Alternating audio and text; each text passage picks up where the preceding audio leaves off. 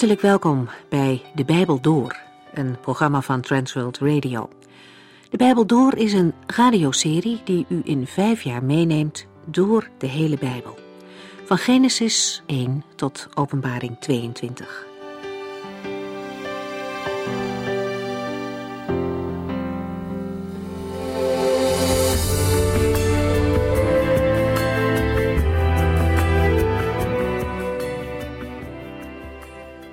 Ook vandaag lezen we uit de tweede brief die Paulus aan Timotheus schreef vanuit een Romeinse gevangeniscel. Terwijl vele mensen hem in de steek gelaten hebben, is Timotheus nauw met de apostel verbonden. Hij wil Timotheus dan ook graag nog een keer zelf ontmoeten. In hoofdstuk 1 lazen we al eerder over Onesiphorus. Een man die niet zo heel bekend is, maar die zich bijzonder heeft ingezet voor Paulus. Het is goed om te bedenken dat deze gebeurtenissen zich afspelen onder het bewind van de Romeinse keizer Nero, die de christenen op een afschuwelijke manier heeft vervolgd en laten lijden. Er heerst dus ook veel angst onder de christenen, en velen lieten daarom Paulus in de steek. Onesiphorus echter niet. Zodra hij in Rome kwam, heeft hij veel moeite gedaan om Paulus te vinden. Hij nam het risico en heeft zich niet geschaamd om een gevangene op te zoeken. Hij was een echte steun voor Paulus. U en ik zijn misschien niet in de gelegenheid gevangen mensen op te zoeken, zoals Onesiphorus dat deed. Maar wat we in elk geval wel kunnen doen, is bidden voor de vervolgde kerk en bidden voor de medewerkers in Gods koninkrijk die hen wel proberen op te zoeken. Paulus moedigt Timotheus ook aan om niet bang te zijn om over Christus te vertellen. Hij herinnert hem eraan dat God ons niet een lafhartige geest, maar een sterke geest vol liefde en bedachtzaamheid heeft gegeven. Het is niet altijd makkelijk om als christen te leven en bereid te zijn te lijden, maar de Heere zal kracht geven om staande te blijven. Timotheus, en met hem elke christen, mag zeker zijn kracht van God in de verdrukking verwachten, omdat de Heere ons heeft uitgekozen, gered en geroepen. Laten we verder lezen uit 2 Timotheus 2 vanaf vers 1.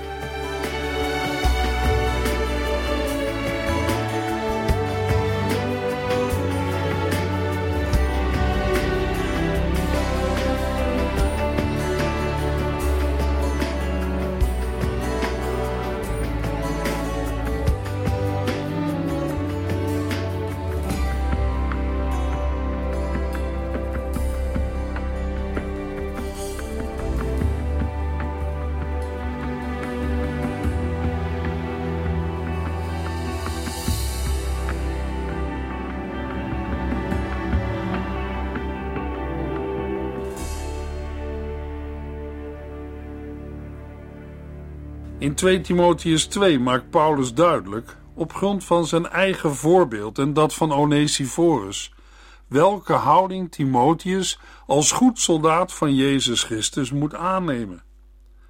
2 Timotheus 2 vers 1 Mijn zoon, wees sterk door de genade die Christus Jezus je geeft.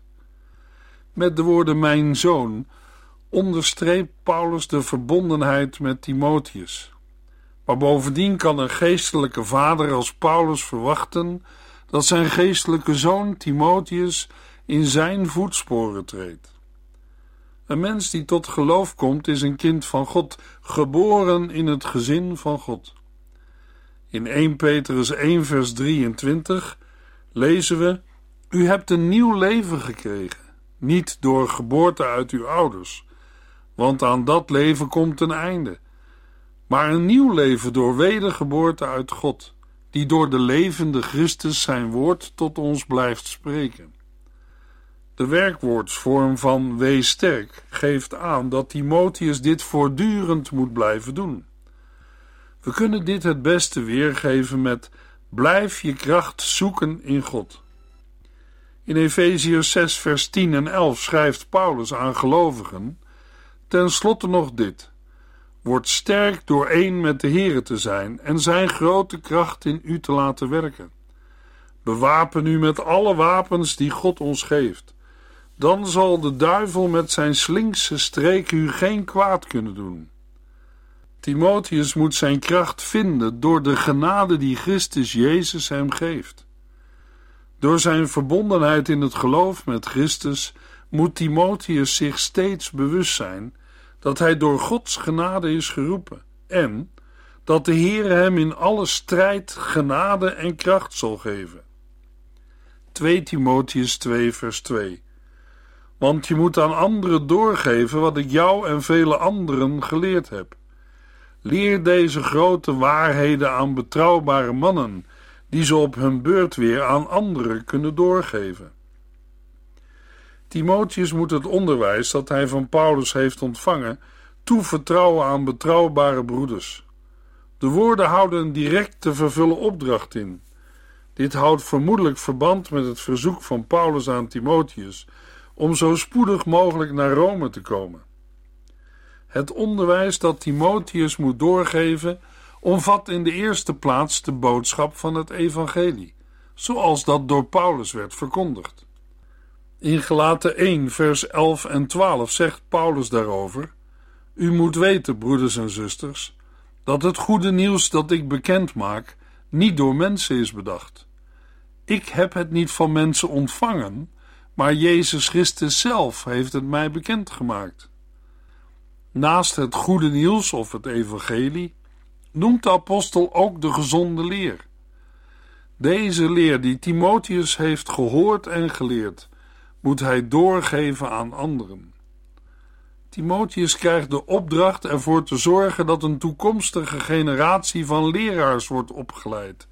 Mensen die een bediening als leraar in de gemeente hebben. In Titus 1, vers 9 lezen we over leiders in de gemeente van Christus. Hun geloof in de waarheid die hun geleerd is, moet sterk en onwrikbaar zijn.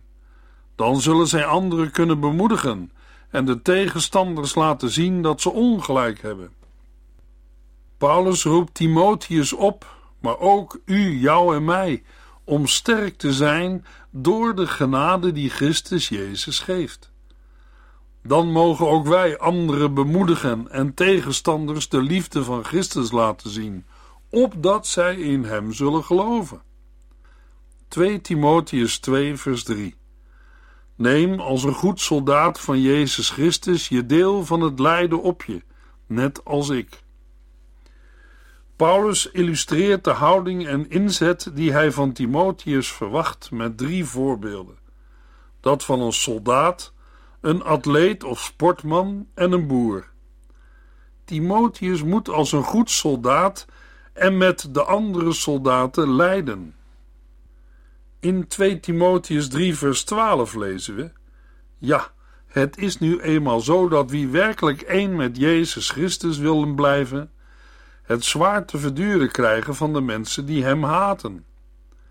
En in 2 Timotheus 4, vers 5 roept de apostel Timotheus op om kalm te blijven en alles te doen wat hij moet doen. Blijf kalm en wees niet bang om voor de Here te lijden. Breng anderen tot Jezus Christus. Laat niets na van wat je moet doen. Kennelijk was de kans dat Timotheus zou moeten lijden bij de verkondiging van het evangelie zeer reëel. We hebben in een vorige uitzending gelezen in Hebreeën 13 vers 23 dat Timotheus in de gevangenis heeft gezeten omwille van de evangelieverkondiging. 2 Timotheus 2 vers 4 Laat je als soldaat van Christus niet in beslag nemen door de zorgen van het leven want dan zal degene die je in dienst heeft genomen niet tevreden over je zijn. Paulus gebruikt het beeld van een soldaat verder om Timotheus duidelijk te maken dat zijn inzet voor Christus volledig moet zijn. In dit geval moet hij zich niet bekommeren om het verdienen van zijn levensonderhoud, maar zich volledig wijden aan de verkondiging van het evangelie. Paulus had in bepaalde situaties door het maken van tenten in zijn eigen levensonderhoud en dat van zijn medewerkers voorzien. Maar als hij door bestaande christengemeenten werd ondersteund, hield hij zich uitsluitend met de verkondiging van het evangelie bezig. Wanneer Timotheus zich geheel wijdt aan de verkondiging van het evangelie, hoeft hij zich geen zorgen te maken voor de dag van morgen. De veldheer, God de Vader, zal in al zijn behoeften voorzien. Voor een buitenstaander mag het vreemd lijken als een christen wordt vergeleken met een soldaat. Maar bijvoorbeeld in de brief van Paulus aan de gelovigen te Efeze lezen we in hoofdstuk 6. Want wij vechten niet tegen mensen, maar tegen onzichtbare wezens. De duivelse heersers en machten die deze donkere wereld tyranniseren. Boosaardige geesten in de onzichtbare wereld om ons heen. Wapen u dus met al Gods wapens om u te kunnen verdedigen als de vijand aanvalt. Dan zult u, na grote dingen te hebben gedaan, ongeslagen uit de strijd tevoorschijn komen. Een soldaat die paraat moet zijn, kan niet in beslag worden genomen door allerlei andere dingen. Hij moet waakzaam en inzetbaar zijn. Als een soldaat in beslag wordt genomen door andere dingen dan zijn werk, is hij voor degene die hem in dienst heeft genomen niet bruikbaar. 2 Timotheus 2 vers 5 Houd je aan de regels die de Heere heeft gegeven, net als een sportman. Als die zich niet aan de regels houdt, wordt hij gedisqualificeerd en kan hij geen prijs winnen. De tweede vergelijking gaat over een sportman of een atleet in een wedstrijd. Een sportman moet zich aan de spelregels houden, anders wordt hij gedisqualificeerd en kan hij geen prijs winnen.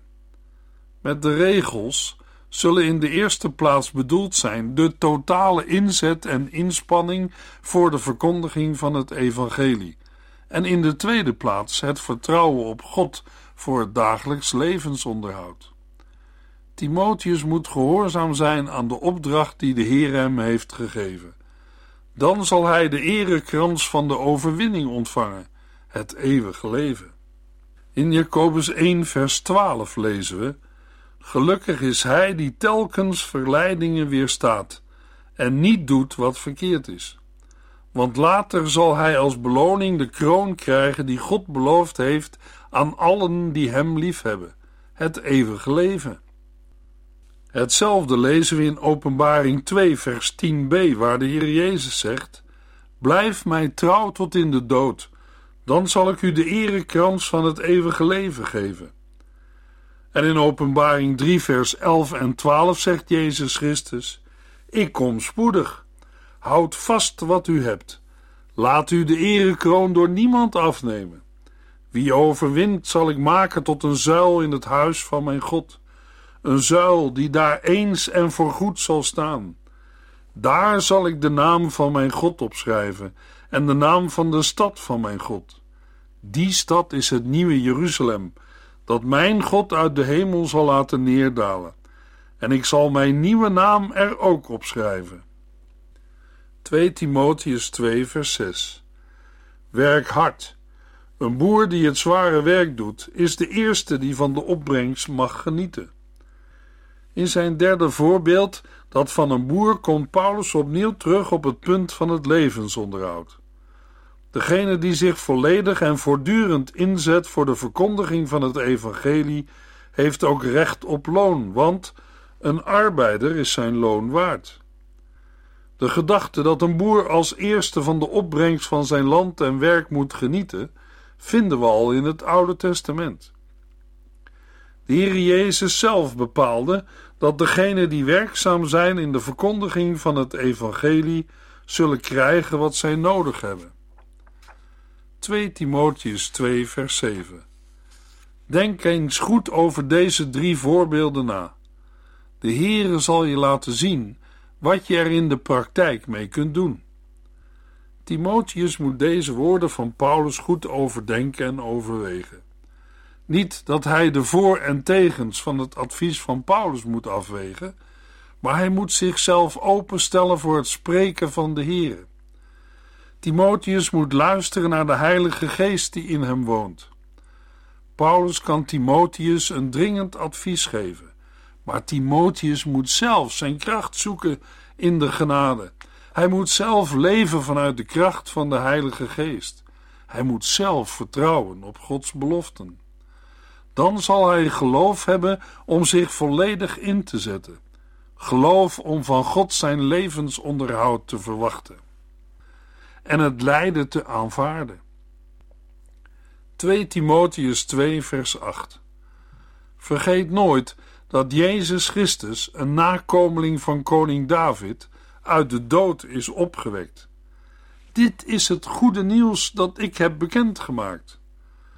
Met een nieuwe inzet komt Paulus terug op zijn thema, namelijk dat Timotheus zich niet moet schamen voor het getuigenis van de Heer Jezus Christus en voor het lijden. De gebiedende wijs van het werkwoord maakt duidelijk dat Timotheus moet blijven denken aan de opstanding van Christus. Paulus geeft ook aan dat Jezus Christus een nakomeling van koning David is. Dit om het menselijke aspect van de Heer Jezus te benadrukken. Jezus was een mens, maar hij werd na zijn dood door God opgewekt. Daarom hoeft ook Timotheus niet bang te zijn voor de dood. Verder is de toevoeging een nakomeling van koning David een verwijzing naar een belofte uit het Oude Testament. Het verwijst naar de Messias, Jezus Christus, en zijn woorden die door de apostelen graag werden geciteerd en mogelijk al deel uitmaakten van een soort geloofsbeleidenis.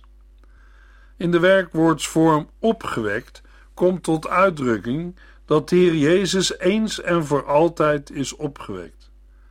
Paulus schrijft: Dit is het goede nieuws dat ik heb bekendgemaakt. Het zijn woorden die Paulus vaker gebruikte en wijzen op wat Paulus gewoon was te verkondigen. 2 Timotheus 2, vers 8b en 9. Dit is het goede nieuws dat ik heb bekendgemaakt en waardoor ik in moeilijkheden ben gekomen en als een misdadiger gevangen gezet. Maar het woord van God laat zich niet gevangen zetten.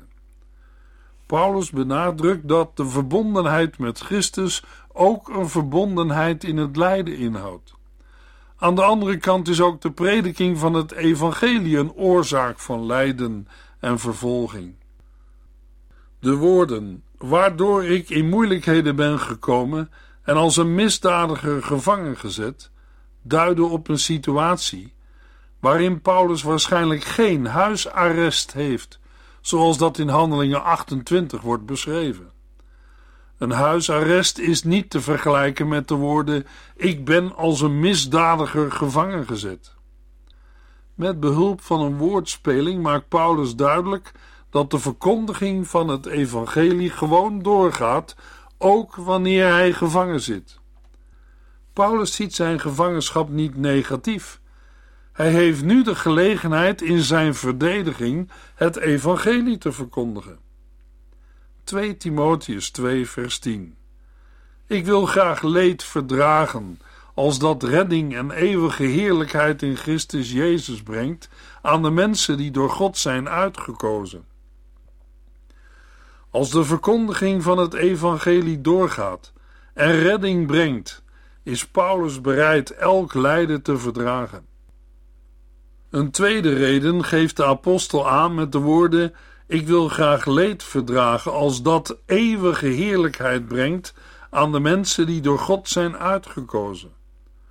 Gods uitverkiezing wordt in de praktijk gerealiseerd door de roeping die gebeurt in de verkondiging van het evangelie. De prediking of verkondiging van het evangelie is absoluut noodzakelijk. In Romeinen 10, vers 14 en 15 vraagt de apostel: Maar als zij niet in hem geloven, hoe kunnen ze hem dan aanroepen? En als zij nooit van hem gehoord hebben, hoe kunnen zij dan in hem geloven? Als niemand hun over hem vertelt, hoe kunnen zij het dan horen? Wie zal het hun vertellen als hij niet gestuurd is? Daarover staat in de boeken. Wat heerlijk klinkt het geluid van de voeten van de brengers van het goede nieuws. Terwille van degenen die het evangelie nog niet hadden gehoord, was Paulus bereid elk offer te brengen. Onder redding, heil en zaligheid wordt in het Nieuwe Testament in het algemeen de heerlijkheid verstaan die de gelovigen bij de komst van Christus zullen ontvangen. Dat is ook in vers 10 het geval. Nu al hebben de gelovigen door hun geloofsverbondenheid met Christus het nieuwe leven ontvangen. Maar deze redding, dit heil, wordt pas met eeuwige heerlijkheid zichtbaar wanneer Christus verschijnt. In Colossense 3 vers 4 lezen we: Eens wanneer Christus, die ons leven is, zichtbaar voor iedereen zal terugkomen, zal blijken dat ook u deel hebt aan zijn glorierijke macht. 2 Timotheus 2 vers 11 Ik vind troost in deze waarheid. Als wij samen met Christus gestorven zijn, zullen wij ook met hem leven. Voor de beginwoorden staat in de Griekse tekst: Dit is een getrouw woord. Het is een uitdrukking die we vaker tegenkomen in de pastorale brieven van Paulus. Soms wordt er een citaat mee afgesloten of ingeleid. Het woord waarheid geeft aan dat het om een zekerheid gaat, een vaststaand feit. De woorden wij zijn met Christus gestorven stellen het sterven voor als een feit uit het verleden. Daarom heeft het hier geen betrekking op de natuurlijke dood, want Paulus en Timotheus leven nog, maar op de doop. In de doop wordt de gelovige zo met Christus verenigd dat hij in hem de dood en de opstanding al heeft ondergaan. In Romeinen 6, vers 3 tot en met 5 lezen we: Weet u niet dat ieder die in Christus Jezus gedoopt is, met hem één is geworden in zijn dood? Die doop in hem was onze begrafenis. En zoals Christus weer levend is gemaakt door de heerlijke macht van de Vader, zo mogen wij nu ook een heel nieuw leven leiden. Wij zijn dus één geworden met Hem, één in dood en leven.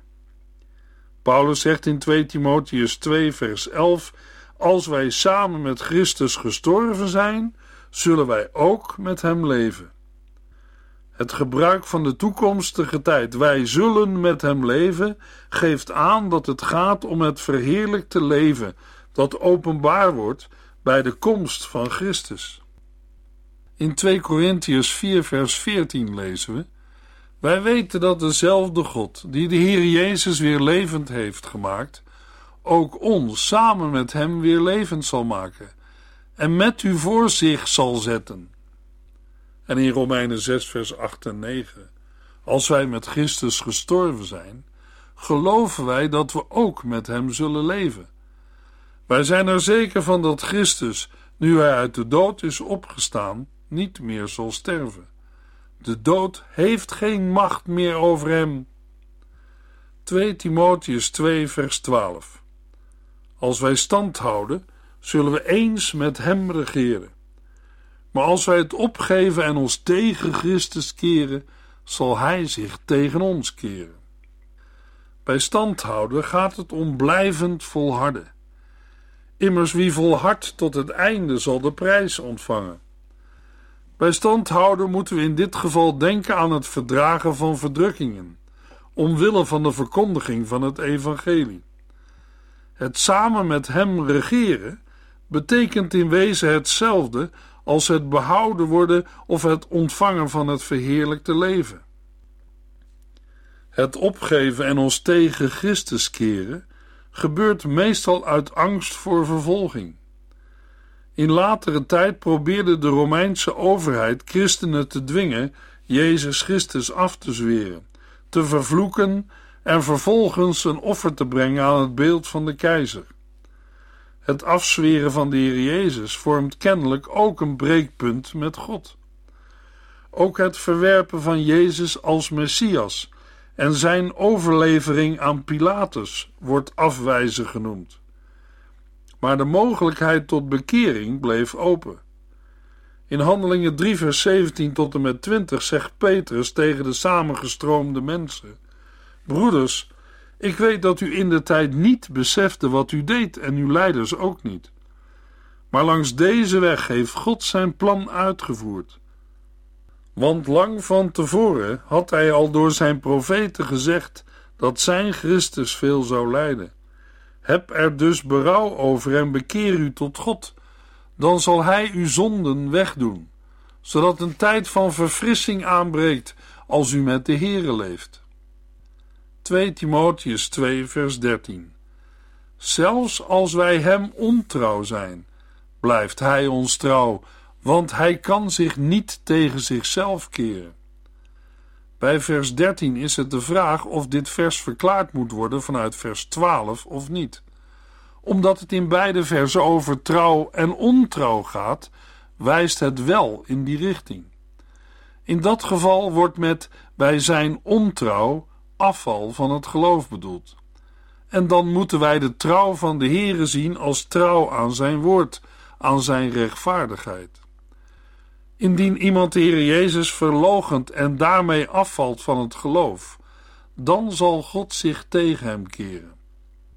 Deze interpretatie staat in de lijn van het Oude Testament, waar het verbond tussen God en zijn volk twee kanten had: zegen en vloek.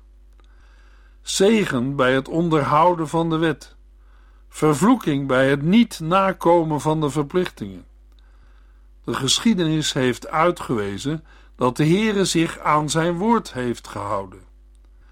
Als we vers 13 niet vanuit vers 12 uitleggen, dan moeten we bij ontrouw niet denken aan ongeloof en afval, maar aan menselijk falen om in heiligheid te leven.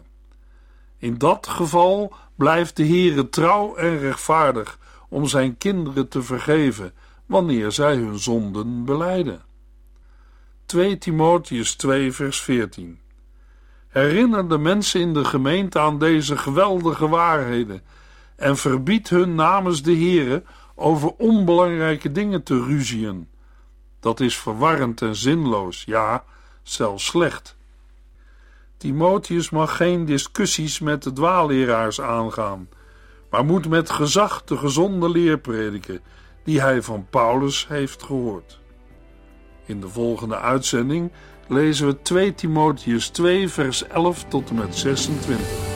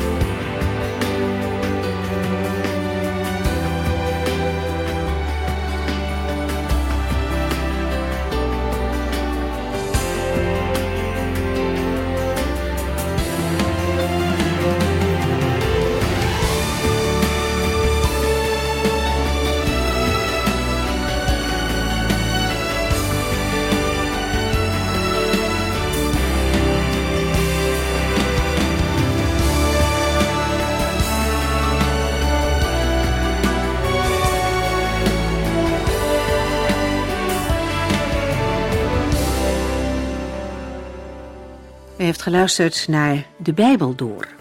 In het Nederlands vertaald en bewerkt door Transworld Radio. Een programma waarin we in vijf jaar tijd de hele Bijbel doorgaan. Als u wilt reageren op deze uitzending of u heeft vragen, dan kunt u contact met ons opnemen. Tijdens kantooruren kunt u bellen op 0342 47 8432. 0342 47 8432. 32.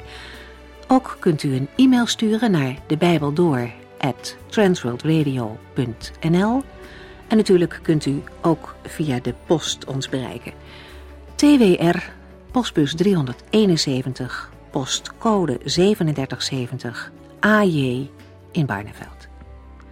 Dit programma werd gepresenteerd door Cor Weda en Ike André. Techniek was in handen van Odin van Woerdekom. En wij allemaal bedanken u voor het luisteren.